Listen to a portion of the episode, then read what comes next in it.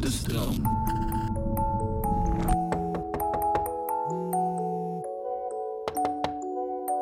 Je hebt de liefde van je leven gevonden en je kunt je geluk niet op. Kriebel in je buik, de hele dag checken of je een appje krijgt en je gedachten dwalen constant af. Maar wat nou als die grote roze wolk in een donkere grijze kleur verandert? Dat de persoon met wie je alles hebt gedeeld, lief en leed, precies dat vertrouwen tegen je gaat gebruiken. Dit klinkt als de intro van een psychologische thriller. Een doodeng verhaal. Waarin je ex al jouw bewegingen kan volgen. Kan zien waar je geld aan uitgeeft. Met wie je afspreekt. Welke gesprekken je voert in je DM. En al je wachtwoorden heeft. En toen kreeg ik video's. Video's waarop ik dus eh, wel te zien was. Video's tijdens eh, eh, ja, onze nachten samen.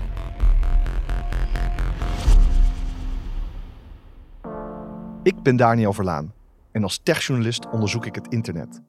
In deze podcast hoor je waargebeurde verhalen die zich online en vaak recht onder je neus afspelen, maar toch onzichtbaar zijn.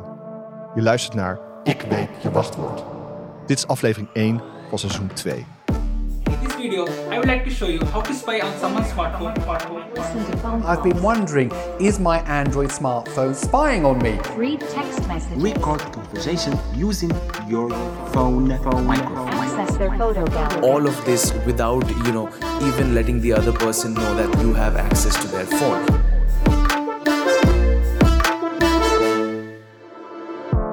Het is een scenario waar de meeste mensen nooit over nadenken. Je bent verliefd, je maakt plannen voor de toekomst en je stelt die persoon aan je familie en vrienden voor.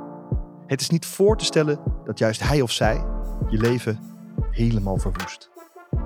Maar dit gaat jou nooit gebeuren. Je bent niet zo naïef, toch? Alsof jij ooit een cybercrimineel mee naar huis zou nemen. Dat dacht Noelle een paar jaar geleden ook, toen ze een leuke en knappe jongen ontmoette die in de scheepvaart werkt. Het klikt meteen heel goed, want ze herkent veel van hem in haar eigen familie, die ook allemaal in de scheepvaart zitten. Door middel van gemeenschappelijke vrienden kwam ik in eh, contact met mijn ex. En dat klikte eigenlijk best wel snel. We hadden een vlotte babbel, ik kon er wel mee omgaan. En eh, ik was 18 geworden en we gingen de stad in. En dat was de eerste avond dat het gewoon, ja, het was feest, het was gezellig, het was leuk. Ja, en toen eh, sprong de vonk over. Heel lang denkt Noelle dat er niks aan de hand is met haar vriend. Hij is leuk, ze hebben gezellige dates. Hij is wel heel veel met zijn telefoon bezig. Maar ja, iedereen heeft wel een iets minder leuke kant. Onder zijn bed heeft hij een geheimzinnige kluis. ja, het was het weekend bij, bij zijn ouders thuis. En eh, ja, we waren op de slaapkamer. En hij moest wat uit die kluis hebben. Eh, dus hij pakte die kluis onder zijn bed vandaan. En al gauw merkte ik wel een beetje dat hij met zijn rug naar me toe ging draaien. Om het toch een beetje geheim te houden. Eh, maar ja, het is een kleine kamer, je ziet het. En op dat moment zag ik die telefoon. Toen ik eenmaal aan hem vroeg van waarom heb je een tweede telefoon, was het eh, dat het een reservetelefoon was, dat hij die niet meer gebruikt. En eh, dat het voor het geval dat eh, was als deze telefoon kapot ging. Het was ochtends vroeg. We zaten op de bank samen te ontbijten, tv te kijken. Volgens mij was het het ochtendjournaal. En eh, de deurbel ging. En eh, twee agenten stonden voor de deur. En zijn vader die deed open. En ehm, op dat moment hoorde ik dat ze zeiden van nou, eh, we komen voor uw zoon. En ze liepen de woonkamer in. En ze zeiden eigenlijk vrijwel meteen van eh, we komen je telefoon in beslag nemen. Dus mijn vraagtekens die kwamen natuurlijk meteen van nou, wat komen hun hier doen? Waarom hebben ze jouw telefoon nodig? Want wat is dit voor een raar gedoe? En toen vertelde ze dat er aangifte was gedaan door een andere ex van hem. Dat er video's online gekomen waren van haar en dat hij die aan het verspreiden was. En dat ze daarom zijn telefoon in beslag wouden nemen om te kijken of, eh, of dat inderdaad zo was. En al vrij snel zei hij van nou, mijn telefoon ligt boven. En zei hij van ja, ik wil hem wel gaan pakken. Waarop de agenten eigenlijk zeiden van ja, we mogen je eigenlijk niet alleen naar boven laten gaan, maar hè, vooruit, ga maar. En toen liep hij naar boven. Maar in mijn hoofd, ja, ik zat vol met vraagtekens en ik was super verbaasd over wat er gebeurde. Maar hij had zijn telefoon bij zich. Maar op dat moment denk je daar niet aan. Hij loopt naar boven en hij komt dus met een telefoon terug. Ja, wat dus uh, die andere telefoon was. Noelle is in de war. Ze twijfelt. Zou het waar zijn wat de politie zegt? Ik zat vol vraagtekens. Ik heb gevraagd waar, waar gaat het over? Wat is er aan de hand? Waar komen die verhalen vandaan? En hij zei van, ja, heel snel had hij een verhaal klaar van, nou ja, weet je, mijn ex die spoort niet. Die valt me nog steeds lastig. En uh, het zit allemaal in haar hoofd en ze wil me terug. Uh, dus ze zal het zelf wel gedeeld hebben als wanhoopsdaad. En dat was het antwoord. Een ander slachtoffer waarmee ik in deze aflevering spreek is Geneviève. Ze studeert aan de Hogeschool van Utrecht en in haar eerste jaar ontmoet ze in college een leuk meisje met wie ze vanaf dat moment veel samen gaat leren voor tentamens. Ze zijn allebei ambitieus en vastberaden hoge cijfers te halen. In eerste instantie was de eerste paar maanden gewoon vriendschappelijk. En maakten we samen huiswerk. Gingen we er samen voor zorgen dat we goede cijfers haalden. En uh, naarmate de tijd vorderde, werden we eigenlijk steeds beter bevriend. En heeft dat zich ook echt ontpopt tot gevoelens. Zoals dat gewoon heel vaak gebeurt. Je bent veel samen, je gaat veel samen op stap. Je gaat samen uit eten, je hebt samen een vriendengroep. En toen werden we eigenlijk heel erg close met elkaar. En uh, ja, nou ja, toen uh, stonden we een keer te zoenen. Maar al snel slaat de sfeer van leuk samen zijn helemaal om. De moeder van een ex van mij die, uh, was langzaamaan blind aan het worden. En die had voor mij een soort theehoes gemaakt voor een theepot. En uh, die had ze eigenlijk door de blindheid heen gemaakt, handgemaakt. Dus dat ding zat natuurlijk helemaal schots en scheef in elkaar. Super schattig. En uiteindelijk vond ik heel veel dingen niet meer terug in mijn huis. Dus zodoende sprak ik haar erop aan. Zo van, joh, ik heb deze spullen niet meer in huis. Hoe komt dat? En toen zei ze dus tegen me, ja, die heb je zelf weggegooid. Ik zeg, pardon, dat zou ik nooit doen. Ja, ze zaten onder in de afvalbak. En zij had er eigenlijk gewoon van alles op gegooid. Jaloezie, pure jaloezie. De ruzies worden erger. Geneviève mag het huis nauwelijks uit. Met haar ouders en andere vrienden heeft ze op dat moment bijna geen contact meer. Onze relatie veranderde ontzettend, gezien wij in eerste instantie veel op school te vinden waren. We waren veel met vrienden heel eventjes nog een drankje doen. En op een gegeven moment werd dat eigenlijk niet heel tot helemaal niks.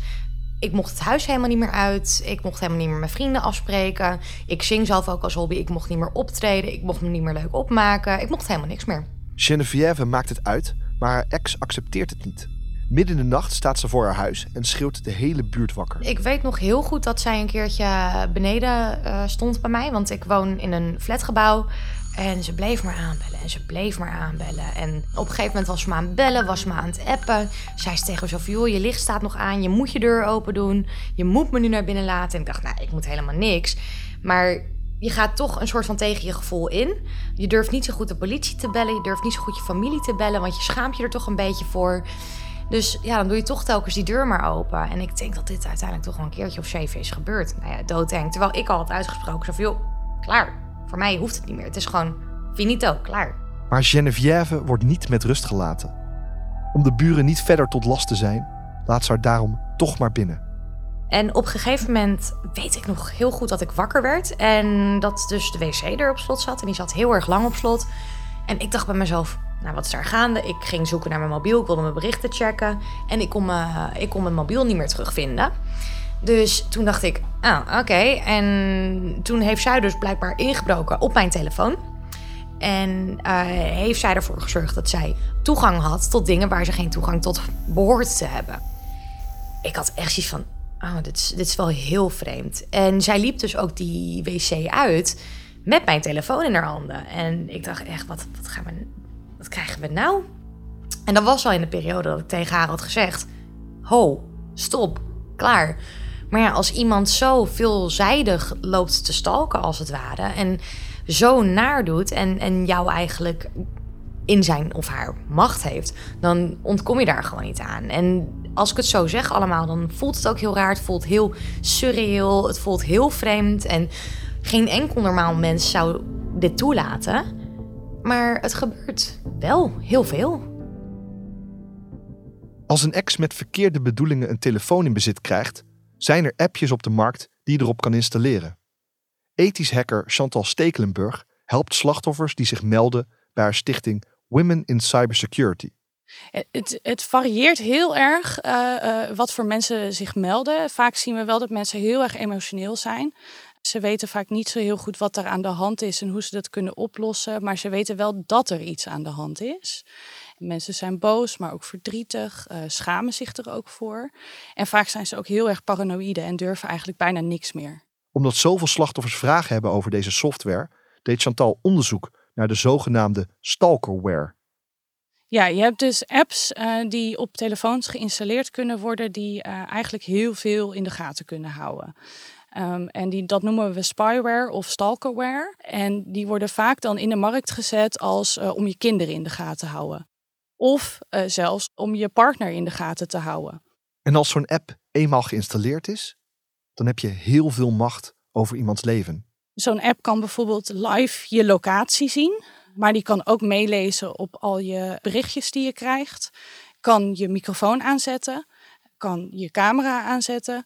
Enzovoorts, enzovoorts. Mijn collega Steven en ik hier zitten nu op de redactie en hebben zo'n app geïnstalleerd op de telefoon van de eindredacteur van deze podcast, dat is Noortje. Net tijdens de lunch was ze even een broodje halen en toen hebben we stiekem die app even geïnstalleerd. Volgens mij zit ze op dit moment in een meeting, toch? Ja, ze heeft een meeting met Kees, geloof ik. Oké, okay. nou even kijken of het werkt. Steven, als jij op dat microfoontje klikt nu, volgens mij kunnen we dan meeluisteren met de gesprekken die Noortje dus nu aan het voeren is. Deze? Ja. Oké, okay, ik klik nu. Ja, het werkt. Wow. Uh, Dit is doodeng. Het is gelukt. Even wil natuurlijk weten wat is gelukt. Soortschoenen? Uh, kaartjes voor de weekend. 24 juni. Vier kaarten maar liefst. Moet je je voorstellen dat, dat je dit gewoon op je telefoon hebt staan. Dat er gewoon iemand op afstand dus letterlijk je microfoon kan inschakelen en kan meeluisteren. Verschrikkelijk. Ja. Een groot probleem bij cyberstalking is dat het relatief makkelijk is om digitaal bij iemand binnen te komen. De afgelopen jaren zijn er een aantal bekende stalker-apps uit de appstores verwijderd en heerst er een verbod op het aanbieden van dit soort apps. Maar het verbieden heeft weinig zin gehad. Er zijn tot op heden tientallen verschillende apps gevonden die vermomd zijn als software om bijvoorbeeld je kinderen of werknemers in de gaten te houden. En deze apps promoten zelf ook dat je met een tool bijvoorbeeld je partner die vreemd gaat kunt bespieden. We vroegen op straat of mensen zelf alleen hun partner of ex digitaal in de gaten houden. Uh, ja, sinds het uit is heb ik dat wel eens gedaan. Want um, we hadden in de relatie altijd via iPhone zoek mijn vrienden aanstaan. En dan kon je dus zien van elkaar waar je was. En dat was tijdens de relatie uh, handig voor bepaalde situaties. Um, en toen het uit was gegaan, hebben we dat gewoon aan laten staan. En heb ik dus dat heel vaak nog bij hem bekeken. Vooral als ik wist dat hij uh, een bepaalde afspraak had of zo. Dan ging ik altijd kijken van, nou, is hij al thuis of niet? Vroeger had ik wel eens uh, locaties aan uh, op zoek mijn iPhone bijvoorbeeld. En dan checkte je daar soms wel op als je bijvoorbeeld niet wist waar ze was of zo. Ja. Of ik mijn ex of partner wel eens heb gevolgd of gestalkt. Mijn ex heeft wel bij mij dat gedaan en uh, dan heel erg stalken. Dus alleen maar berichtjes sturen van waar ben je, waar ben je, waar ben je, waar ben je. En dan zodanig dat ik mijn telefoon moest uitzetten omdat ik anders gek werd. Bij mij is afgesloten hoofdstuk is een afgesloten hoofdstuk. Ja, ik ben er echt klaar mee gewoon. En dan uh, wil ik eigenlijk niks meer van die persoon weten zelfs.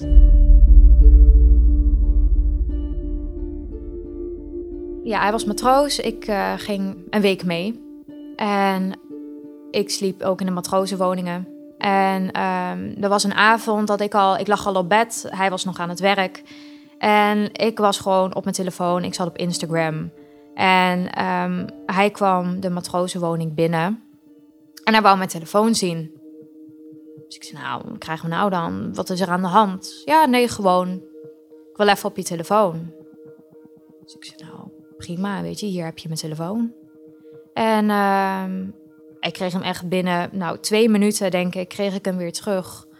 En toen zei hij, nou, is goed schat, slaap lekker. Ik uh, moet nog even een uurtje door.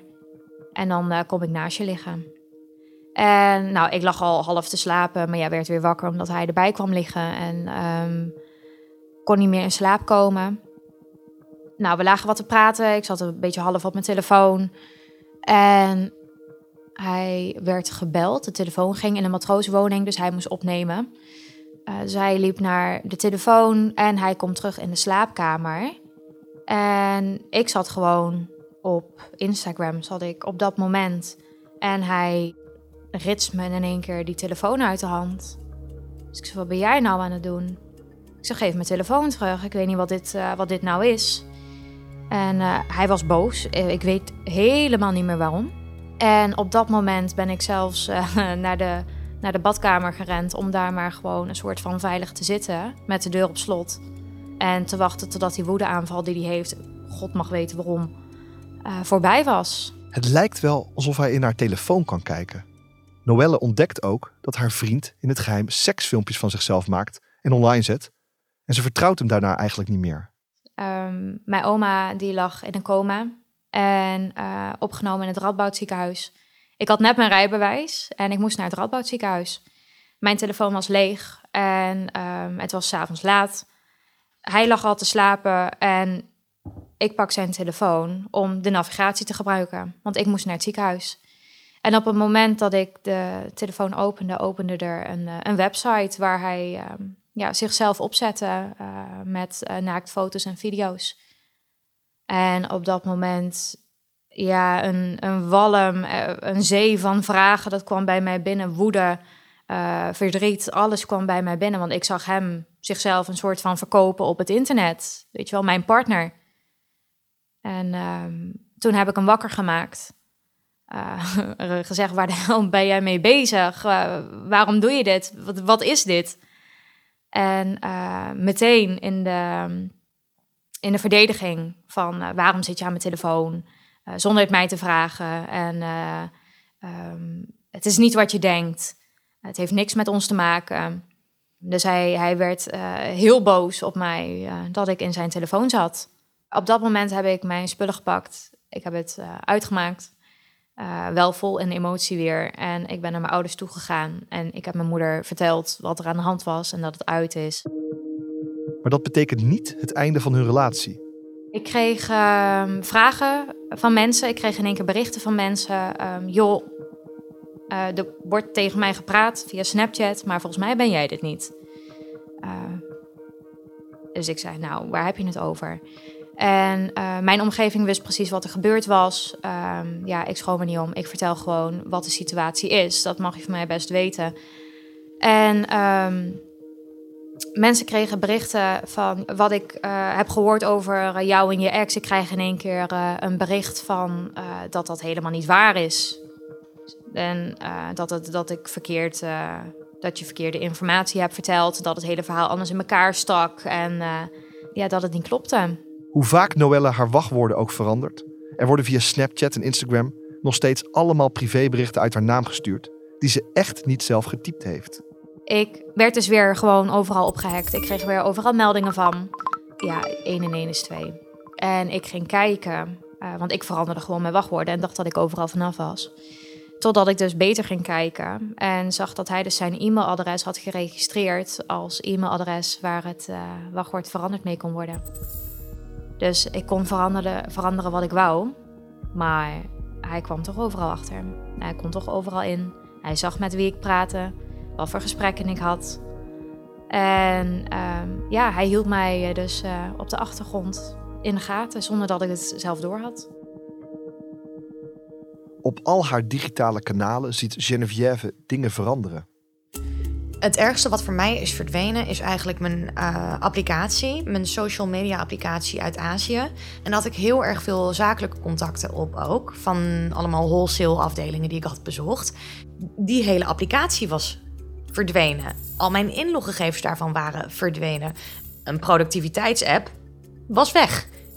Dat was heel vreemd. En dat was eigenlijk ja, een week of twee nadat mijn telefoon dus op de wc was. Met haar gebeurde dat in dat tijdsbestek. En toen realiseerde ik me eigenlijk... oh, ik word echt helemaal in bedwang gehouden. Geneviève brengt haar telefoon naar een goede vriend die veel van technologie weet. Die helpt haar om haar ex uit haar telefoon te krijgen. En dat lukt uiteindelijk. Ja, wij hadden toen naar tijd goed contact. Want hij had al het idee dat er iets niet helemaal lekker zat in mijn leven. Dus hij hield al een beetje van een afstandje een oogje op mij. En hij appte me ook af en toe zo van, joh, hey, gaat het goed daar zo? En hey, even bakje doen. Dus op een gegeven moment ben ik dus naar hem toegestapt. En toen zei ik tegen hem, joh, wil jij alles wil even voor me nakijken. Ik, ik wil dat je alles checkt en kijkt of er nergens meer wat op staat. Want ik ben er helemaal klaar mee. Ik wil niet meer gevolgd worden. Ik wil dat het er vanaf is. Nederland kent al ruim 20 jaar een anti-stalkingswet. Hieronder valt ook digitale stalking. De meeste daders zijn ex-partner van het slachtoffer. Veruit de meeste stalkers zijn mannen, maar het kunnen dus ook vrouwen zijn. En stalking klinkt misschien onschuldig, maar het kan heel snel escaleren in andere vormen van fysiek geweld. Wat we eigenlijk zien is dat in uh, 97% van alle gevallen van huiselijk geweld ook sprake is van een digitaal component. Dit zijn Gjalt en Robert. Zij werken voor stichting SafetyNet en zetten zich in om slachtoffers die online lastig worden gevallen veilig te houden. Zij horen dagelijks verhalen over stalking die op allerlei verschillende manieren plaatsvinden. We zien dat heel veel belagers van deze cliënten op de hoogte zijn van manieren om controle te houden op afstand nog. Maar denk vooral ook aan de technieken uh, die we zien om op afstand uh, verwarming uit te zetten als het winter is en min 3 en ineens mensen in de kou moeten zitten. Of de muziek aan te zetten van de Spotify op afstand ineens die door alle smart speakers heen uh, gilt midden in de nacht. Lampen die flikkeren. omdat je dus controle, kan controleren op afstand.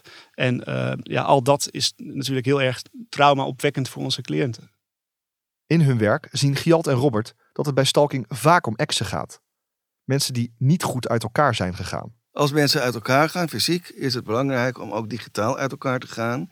Dus met andere woorden, zorg dat je uh, je eigen uh, accounts krijgt en dat je losgekoppeld bent van het gezamenlijke account wat je had. Ja, dus ik denk dat het heel belangrijk is om gelijk wachtwoorden te gaan wijzigen. Overal waar. Hè, er zijn best wel wat middelen om toch controle terug te krijgen of te houden op je accounts. Dus wachtwoorden wijzigen, tweestapsverificatie. Als die optie er is, altijd aanzetten. Uh, want dat helpt gewoon om veiliger te zijn. Dit ziet ook Jordi. Hij is expert bij onze partner KPN op het gebied van digitale veiligheid. Als je niet gehackt wil worden, is het belangrijk om veilig online te zijn. Het heeft alles te maken met wat ik noem digitale hygiëne. Graag zou ik pleiten voor een regelmatige check op toegang die niet meer nodig is. Oude accounts, zwakke wachtwoorden, updates enzovoorts. De digitale APK. Mijn uh, moeder stond in de co-op en ik kreeg van de cashier te horen uh, uh, dat zij een Snapchat had gekregen van mij in mijn ondergoed. Um, en dat ze dacht dat dat niet helemaal de bedoeling was. Dus mijn moeder is met dat nieuws naar mij toegekomen. ze liep mijn slaapkamer op en kwam bij mij op bed zitten van nou, ik, ik was net in de co-op en ik kreeg te horen van de cashier dat zij een foto van jou heeft gekregen in je ondergoed. En ja, al vrij snel reageerde ik super heftig. Van, nou, dat kan niet, want die foto's van mij, die, die, bestaan niet van mij. Dat, dat, dat maak ik niet, echt niet. En hier blijft het helaas niet bij. En afgelopen maart, toen, kwam voor mij echt mijn dieptepunt. Op dat moment um, zat ik op de bank. Het was avond en um, ik kreeg een bericht via Instagram van een vreemde man uh, in het Engels. Die zei: Ik heb beeldmateriaal voor jou. Nou, ik dacht eerst van nou, dat, is zo'n raar iemand. Ik ken hem niet, ik reageer niet. En twee dagen later, weer in de avond, ik zat weer op de bank. En toen kreeg ik nog zo'n bericht, zo'nzelfde bericht van een andere man. Ook wel weer in het Engels. Um, ik heb beeldmateriaal voor jou. Waarop ik dacht van nou, dit is wel heel toevallig. En ik antwoordde van nou, je hebt de verkeerde voor je, want dat bestaat niet van mij. En daar hoorde ik niks meer op. Dus ik dacht van nou, dat zal. En toen was het een week later. Weer in de avond. Ik werd weer bericht via Instagram door een man. Weer in het Engels. Ik heb beeldmateriaal voor jou. Waarop ik dus weer antwoordde van nou, dat kan niet. Dat bestaat niet voor mij. Je hebt de verkeerde voor je.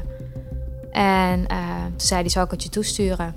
Dan kan je zien of dat jij het bent. Dus ik zei, nou doe maar, want ik ben het toch niet. En toen kreeg ik video's video's waarop ik dus uh, wel te zien was. Video's tijdens uh, ja, onze nachten samen, waarvan ik dus niks afwist. Dus het heeft vijf jaar in zijn digitale bestanden gestaan, eigenlijk te wachten op een moment om, om me gewoon puur nog een slag na te geven of weer, ja, om weer met mij in contact te komen. Het was te, te bizar. Ik had echt uh, ja, mental breakdown op dat moment. En ik, ik belde mijn beste vriendin op en ik eh, snikkend, huilend, kreeg geen lucht meer. Hele paniekaanval. En um, ze is in de auto gestapt en ik heb het haar laten zien. En ja, ze zei, ook zij zei meteen van nou, dit, dit, dit moet hij zijn geweest. Ook de situatie van Geneviève wordt steeds gevaarlijker. Om half twee s'nachts uh, word ik dus met één grote schrik wakker. En hoor ik dus een hamer tegen mijn slaapkamerraam bonken. Mijn slaapkamerraam zit tegen mijn galerij aan. En ik schrok dus wakker en ik slaakte dus een gil uit. Ik dacht mezelf, oh my god. En ik heb dubbel glas, dus dat duurt wel voordat je er doorheen komt. En dat was ook net nieuw van dat uh, hele duurzame spul is dat. En toen hoorde ik ineens allemaal scherven gaan. En toen dacht ik bij mezelf, oh mijn god, dit, het is echt. Dit is echt. En nou ja, dat ging maar door en dat ging maar door. En uh, toen ben ik de huiskamer ingerend. Ik dacht, wat moet ik? Wat moet ik? Want het is één grote chaos in je hoofd. Dus toen ben ik de gang ingerend en, en toen de keuken in. Je weet gewoon niet waar je heen moet. En toen ben ik de hal ingerend en toen zag ik haar dus door het raampje. Nou, dat, we waren alweer vijf minuten verder. En ze was een partij aan het schreeuwen, doe die deur open, doe die deur open. En toen zag ik haar dus met in haar ene hand een hamer, in haar andere hand een mes. En toen dacht ik, no way José, dat gaan wij heel even niet doen. Ik heb alles op slot ge gekacheld. En toen bonkt ze dus kaart met, nou ja, haar hamer dus tegen mijn ruitje aan naast mijn voordeur. En echt een nachtmerrie was het. Haar arm ging door die voordeur heen. En ik dacht, oh mijn god. Toen ben ik naar de keuken gerend en toen dacht ik, moet ik een mes pakken? Moet ik die nu in haar arm steken? En toen dacht ik, nee, dan ben ik zo meteen het haasje. Dus ik moet hier eigenlijk wegkomen. Dus ik stond op het balkon en toen heb ik mezelf opgetrokken, ben ik over die rand heen gaan staan en keek ik naar beneden. Toen dacht ik, oh, dit is de zesde verdieping. En toen heb ik mezelf over de rand bij de buren heen gegooid. Bij de buren aangeklopt, die deden niet open. Dus ik door naar de volgende. Hetzelfde verhaal, daar op het raam uh, gebonkt. Nou ja, die waren er dus ook niet. En toen ben ik dus weer doorgeklommen naar de volgende. Om vervolgens aan één arm te hangen. Op de zesde verdieping. Hartverzakking bijna. En ik zag dat daar dus licht brandde. Dus ik trok me op. Ik dacht, nee, nee. En die hebben me dus binnengelaten. En toen heb ik huilend en krijzend de politie opgebeld.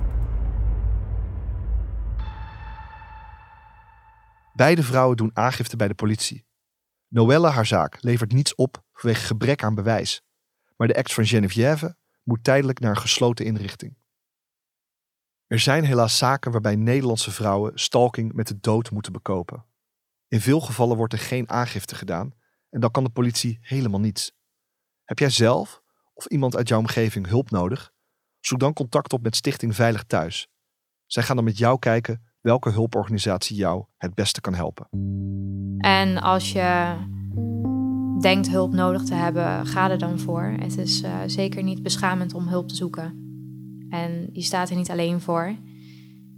En je bent ook niet schuldig. Het overkomt je, het gebeurt je, maar neem het jezelf niet kwalijk. Als je zoiets meemaakt, weet je, dan, dan snap ik dat je reparatie nodig hebt. En ga dan ook op zoek naar hulp. Want als iemand zo technologisch jouw leven binnendringt, dan laat dat echt iets achter. Het heeft mij ook twee jaar geduurd voordat ik toch weer een bedrijf ben opgestart. Maar zoek die hulp op, want dan kan je ook weer.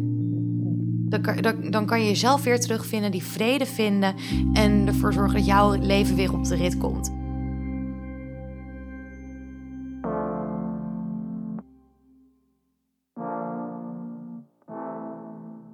Je luisterde naar Ik weet je wachtwoord.